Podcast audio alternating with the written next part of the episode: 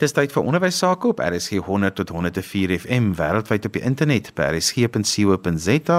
Onthou jy kan ook na ons luister op die DSTV se audiokanaal 813. Vandag gesels ons in ons in die onderwys oor van klaskamers tot leerruimtes. Hoe lyk die ideale skoolgebou? Ek is Johan van Lille en my twee gaste is Larissa Ferrell en Theo Gitter. Hulle is albei argitekte en hulle het albei ook baie ondervinding by die ontwerp van skole. Larissa, ek gaan by jou begin. Wat is die belangrikste kenmerk van die ideale skoolgebou? Baie dankie Johan. Ek dink die belangrikste kenmerk van so 'n skool En om goed in gedagte te hou is wie is ons eindverbruiker van so 'n skool en dit is natuurlik die kind. En so 'n skool moet so 'n kind in staat stel om krities te dink, kreatief te kan dink en onafhanklik te kan dink en te ondersoek en te ontdek in hulle eie spasie en hulle eie tyd. So vir my is dit die belangrikste kenmerk van so 'n skool en die verhoudings tussen 'n onderwyser, die akademie, die industrie en dan selfs die argitek wat so 'n ruimte ontwerp. En vir jou Theo? Vir my is dit belangrik dat die skool iets sê van die gemeenskap waarna hy ontwerp is. Ehm um, byvoorbeeld 'n skool in Durban wil gaan verskillend lyk like as 'n skool in Kraaifontein of in Gugulethu. So ons kyk na die verbruikers soos wat Larissa genoem het. Ehm um, en ons kyk na die klimaat in die area en wat is toepaslik vir hulle. Daar's sekere aspekte van die skole wat nie gaan toepaslik wees in alle areas nie. So ons moet daai analiseer en dan volgens dit moet ons die die ontwerp ehm um, bou daarvolgens. So hoe het skole verander oor die afgelope tyd? Want ek weet ons het almal maar 'n prentjie in ons kop van 'n tradisionele skoolgebou, maar die skole wat julle ontwerp lyk anders. Ja, kyk Johan, um, ek dink dit is belangrik om te verstaan, is dit 'n privaat skool? Is dit 'n staatskool? Ek het skool gegaan in 'n klein dorpie in die Noordwes in 'n staatskool en daarso is dit baie tradisioneel. Um ek dink tegnologie in skole en in konstruksie speel ook 'n groot rol. Dit stel ons in staat om sekere goederes in 'n skool in te bring, of dit nou privaat of 'n staatskool is. En selfs in ons konstruksie, dit laat ons toe om wonderlike goederes in skole deesdae te doen. En ek dink ook die bewusmaking van die omgewing. Ons het almal meer as argitekte, as die eindverbruikers, selfs die kindertjies, hulle almal weet hoe enigiets herwin wat mamma vir hulle sê hulle moet in die rooi blik of die groen blik gooi. En ook die vier mure van 'n van 'n klaskamer het baie meer interaktief geraak ook. Um of dit nou tegnologie is of dit die tekstuur is of dit die kleure is of dit akoestiek van die klaskamer is 'n klomp aspekte uiteindelik die ontwerp van skole in ons tydperk wat ons nou as argitekte intree beïnvloed. Want Theo, ek weet jy was betrokke by hipermoderne skole wat jy ontwerp het wat wat die klaskamers nie lyk soos klaskamers soos ons die prentjie van die vier Boetensaartjie klaskamer het nie. Ja, dis nogal interessant want ons ons begin by die tradisionele. Daar's altyd die neiging na 'n tradisionele klas wat vier mure en 'n deur het en 'n paar vensters wat buitentoe kyk. Maar ons probeer daai daai tradisionele klas verander en begin herposisioneer dat daar meer verbruik is uit die klaskamer. So 'n klaskamer is nie meer vier mure nie. Klaskamer kan nou ewe skielik oopmaak. Hy kan saamsmelt met 'n ander ruimte. Ehm um, hy kan saamsmelt met die klas langsom en sodoende kan die kan die program verander en die leerruimte kan kan anders gebruik word. Ehm um, dis snaaks die destyds met ons noem dit ehm um, in ontwerpterme noem ons dit barracks blokke. Dit is eintlik Dit is eintlik as jy gaan kyk is dit so bietjie militaristies waar dit vandaan kom. Ehm um, skole is was baie rigied ontwerp. Klaskamers was in blokke gesit en elke klas het sy eie of graad het sy eie klas gehad en die kinders het beweeg tussen die ruimtes. Ons kyk na skole deesdae waar dit meer soos 'n universiteit raak is. Dit raak soos 'n kampus. So die die leerruimtes word meer ehm um, fluid en Jy kan die leerruimtes aanpas soos vir die funksie dit nodig het. Larissa, is daar spesifieke uitdagings wanneer dit kom by die ontwerp van skole in Suid-Afrika? Ja, daar is verseker 'n paar uitdagings wat ons baie aandag aan gee um in vandag se tyd. Ek dink die belangrikste vraag is ook waar sit ons 'n skool neer? En waarom sit ons hom daar neer? Is dit om die gemeenskap te bedien wat altyd die die eerste motivering moet wees hoekom ons 'n 'n skool daar neersit en word dit aanvaar deur die gemeenskap. Is daar misdaad, hoë syfers van misdaad in die area wat ons aan moet aandag gee? Dit dit verander ook die ontwerp van 'n skool. Is dit meer introverties, ekstrovertiese skool? Natuurlik ook beerdkrag. Dis warm op almal se lippe en natuurlik is die vraag hoe berei ons 'n skool voor vir as beerdkrag inskop vir 4 ure op 'n slag. 'n Ander uitdaging is natuurlik die tegnologie en gebruik daarvan. Ek was onlangs 2 3 weke terug in Londen vir 'n konferensie met die naam BET en dit het hoofsaaklik gaan oor tegnologie in skole en daar kan ek duidelik gesien het die res van die wêreld en wat hulle toepas in hulle skole tegnologie gewys is baie ver gevorderd as wat ons in Suid-Afrika het. So dis die argitek of my werk dan nou in 'n skool wat ek tans ontwerp. Hoe bereik ek die balans tussen wat ek gesien het wat moontlik is in tegnologie en wat is toepaslik in 'n Suid-Afrikaanse konteks? Volhoubaarheid is 'n is 'n groot ehm um, aspek van ons ontwerp. Ons moet kyk na uh, volhoubare kragverbruik, volhoubare watergebruik, ventilasie in die skole, so hoe ons die ruimtes rangskik, ehm um, moet al daai in gedagte hou. Daar's dus baie tegnologie wat ons kan gebruik om om hierdie aan te vul. Ehm um, daar is ook baie ou tegnologie in terme van hoe om natuurlike ventilasie te bevorder of byvoorbeeld ehm um, hoe om natuurlike lig te bevorder uh sonder om mense te verblind binne in die gebou noodwendig. Ehm um, so al daai aspekte is ek noem dit altyd mense moet so bietjie teruggaan in die verlede. Daar's baie goed wat die wat die argitekte van die verlede reg gedoen het. Ehm um, wat ons amper vergeet het met ter tyd en ons moet dit net weer gaan analiseer en dit op 'n beter manier toepas. So mense moet leer uit die verlede en jy moet dit bietjie beter toepas. Selfs met ventilasie, selfs met ehm um, met daai stelsels. Ehm um, ons wil wegbeweeg van van hoë energieverbruik geboue en meer gaan vir 'n volhoubare stelsel. Dit is een van die interessante dinge vir my is is dat as jy 'n gebou ontwerp, dan dink jy ook baie spesifiek wanneer dit by skole kom dat hoe leer plaasvind en hoe die omgewing wat jy nou ontwerp, die gebou, hoe dit dan nou leer kan fasiliteer en ondersteun. Mense dink altyd leer kom net van die onderwyser af, maar die gebou kan nog 'n belangrike rol speel. Nee, Johan, dit is verseker die waarheid. Um ons het onlangs 'n skool as 'n groep, ons is 'n groep van 4 argitekte wat aan 'n skool gewerk het onlangs in Baghdad. En daardie kliënt die groot vraag aan ons gevra, hoe gaan sit ons 'n skool neer in die middel van die woestyn. Daar's hitte, daar's sandstorms en hoe beïnvloed dit dan uiteraard die leerders in die klas en hoe hoe beïnvloed dit ook die tipe lesse wat hulle aanbied? Hoe doen hulle 'n les wat eintlik buite moet gebeur? So ja, dit is dis verskriklik, dis verskriklik interessant wat tegnologie ons ook toelaat om deesdae te ondersoek. Hoe lyk 'n windstudie? Hoe kom die wind van watter rigtings af? Wat doen my gebou met daai wind? Maak hy 'n tonnel, maak hy 'n warrelwind?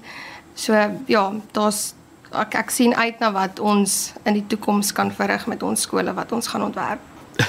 Dis snaaks hoe argitekte wat nie gekwalifiseer is, dink altyd 'n gebou kan alles doen. Maar ek dink 'n gebou is is daarso om die verbruiker se ruimte beter te maak.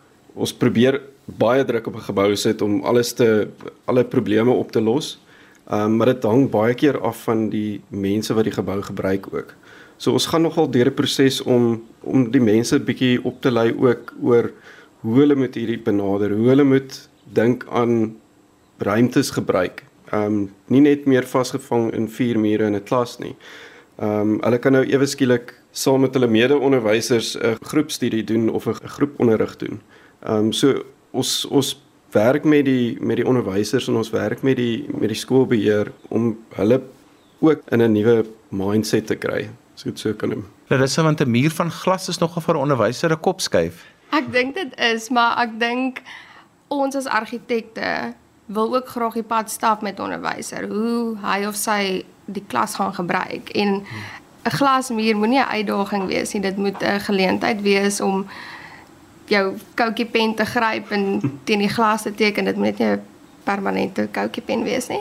Ehm um, dit sal 'n paar harte breek, maar ek dink ek dink regtig ons werk as argitek moenie net wees ons aandagplanne oor aan die bouer op site en ons stap weg nie. Ons moet daai pad saam met die die mense stap wat die spasie gaan gebruik. As jy sopas ingeskakel het, jy luister na ons in die onderwys saam met my Johan van Lille. Ons gesels vandag oor van klaskamers tot leerruimtes. Hoe lyk die ideale skoolgebou? My gaste vandag is twee argitekte, Larissa Ferrell en Theo Gitter. Onthou, jy kan weer na vandag se program luister as 'n potgoed as jy sopas ingeskakel het. Laai dit af by resgep.co.za. Larissa, ek wil kom by kleur, beligting, tekstuur het dit 'n impak op kinders se leerervaring want dit bly maar 'n debat in onderwyskringe oor daai aspekte.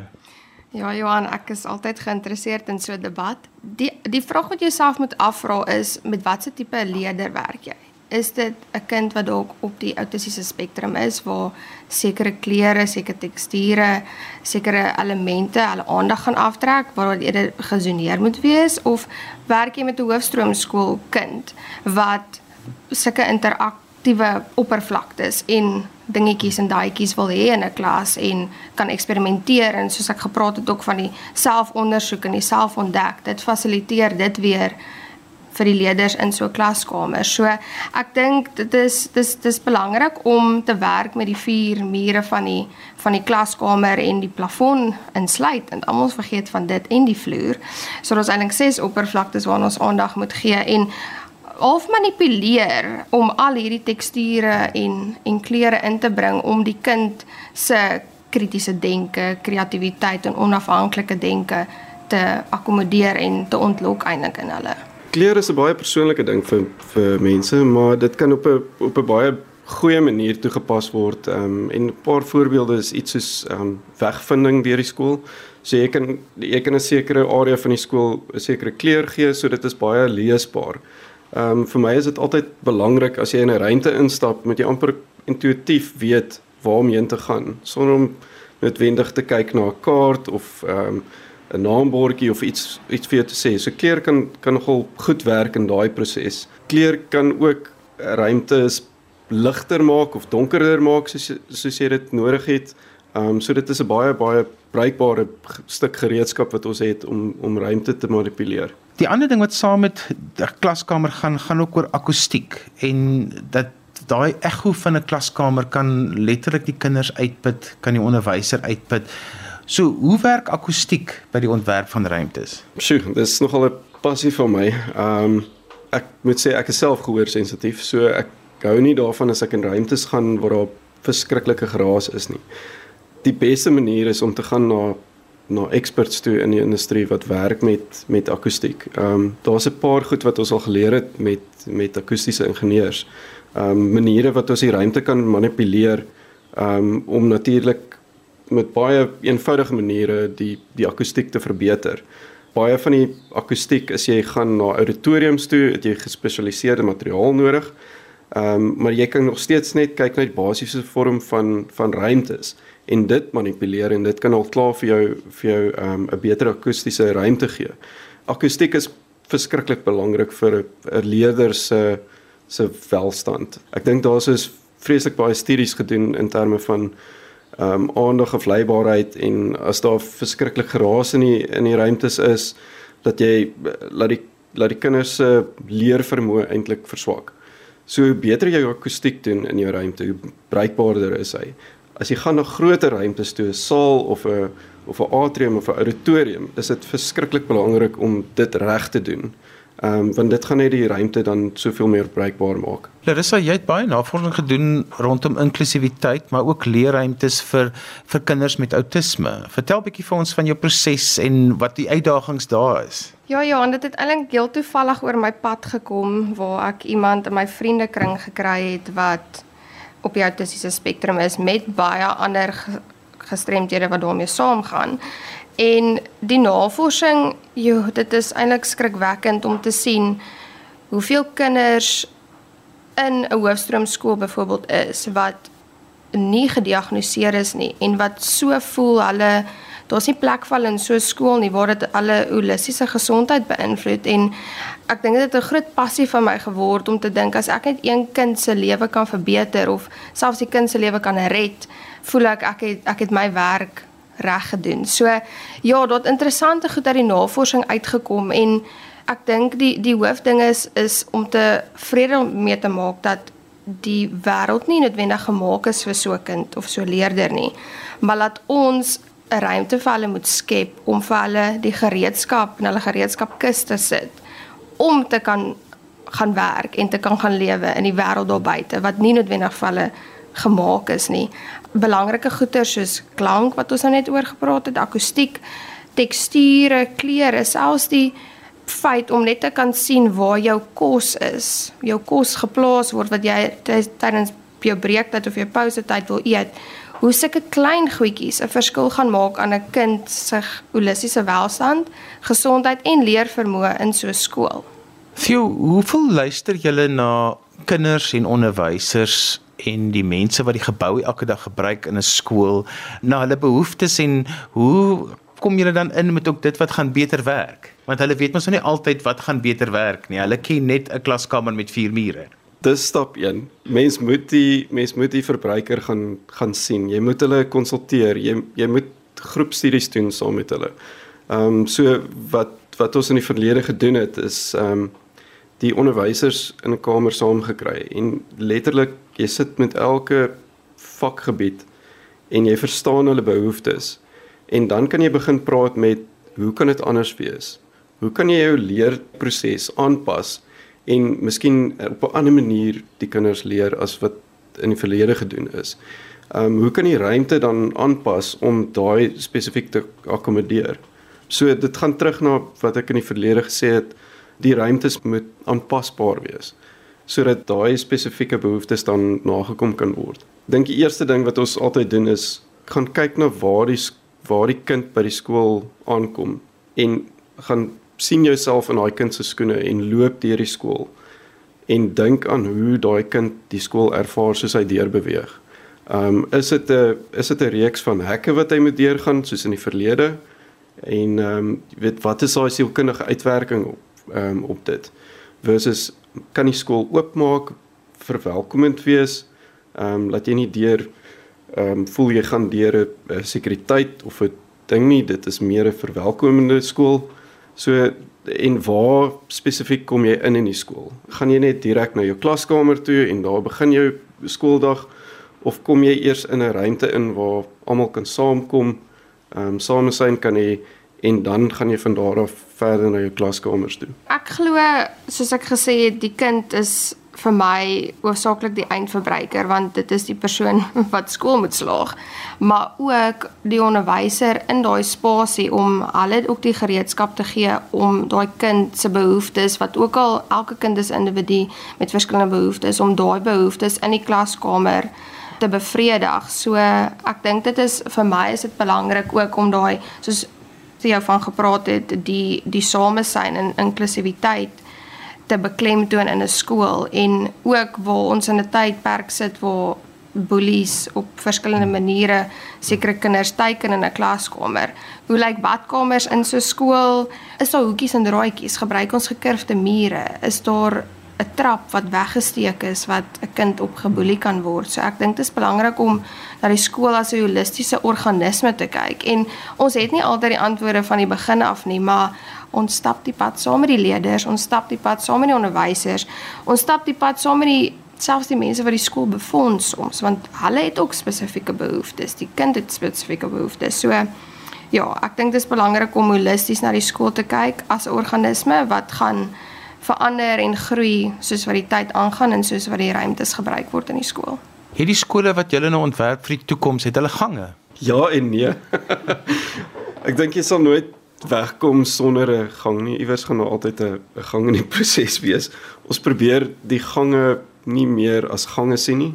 Ehm um, so in die verlede was 'n gang 'n sekere breedte. Wat ons nou doen is ons maak hy breedte net so klein bietjie meer wat beteken dat jy ewe skielik 'n ander funksie kan doen in die gang. So die gang word amper 'n uitbreiding van jou normale leerruimtes. Ehm um, jy hoef ook nie net noodwendig in 'n klas klas te gee nie. Jy kan buite onder 'n boom klas gee. Maar ons probeer die sirkulasie so effektief as moontlik hou sodat jy nie sit met lang gange of lang sirkulasie want uh, jy wil ook nie hê jou kinders moet die hele tyd hulle self verkloop deur die gebou nie. Jy moet die funksies so groepeer dat daar so minimaal sirkulasie as moontlik is en die sirkulasie dan gebruik waar jy kan om dit nog 'n funksie te gee. Ehm um, so die die die multifunksionele aspek is amper 'n sleutelkomponent van hoe ons skole ontwerp. So ter afsluiting, hoekom hou julle daarvan om in die skole besigheid te wees, om skole te ontwerp, leerruimtes te ontwerp? Wat daaraan maak dit vir julle so lekker?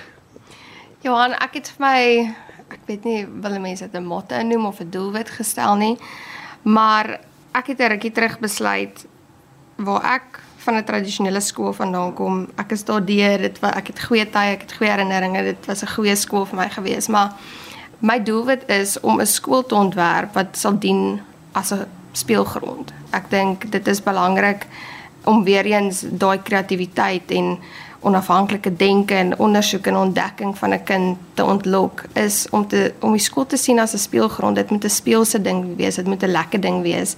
Sunny en Jannie moenie hartseer wees om môre te gaan skool toe te gaan nie want hulle gaan na 'n verskriklike wonderlike skoolgebou en ek dink dit is wat dit vir my so opwindend maak is om te sien hoe leerders, onderwysers daai ruimte sal gebruik, maar tog sal pret hê terwyl hulle skool gaan en nie net vasgevang word in die ou vier mure nie, maar eintlik deel te gaan skool te gaan in 'n uitbreiding van 'n speelgrond. Theo en vir jou, wat laat jou klokke lui as dit kom by skole ontwerp? Dis seker omdat ehm um, ek nie verskriklik mal was om skool toe te gaan toe ek jonger was nie. Ek was nogal bevoorreg om in 'n skool te wees wat destyds was was dit nogal 'n baie innoverende skool vir sy tyd gewees. Ehm um, daar was verskriklik fasiliteite wat beplan is daar. Maar wat vir my hartseer was is daai fasiliteite het mettertyd amper of dit was nie 'n volhoubare fasiliteit nie.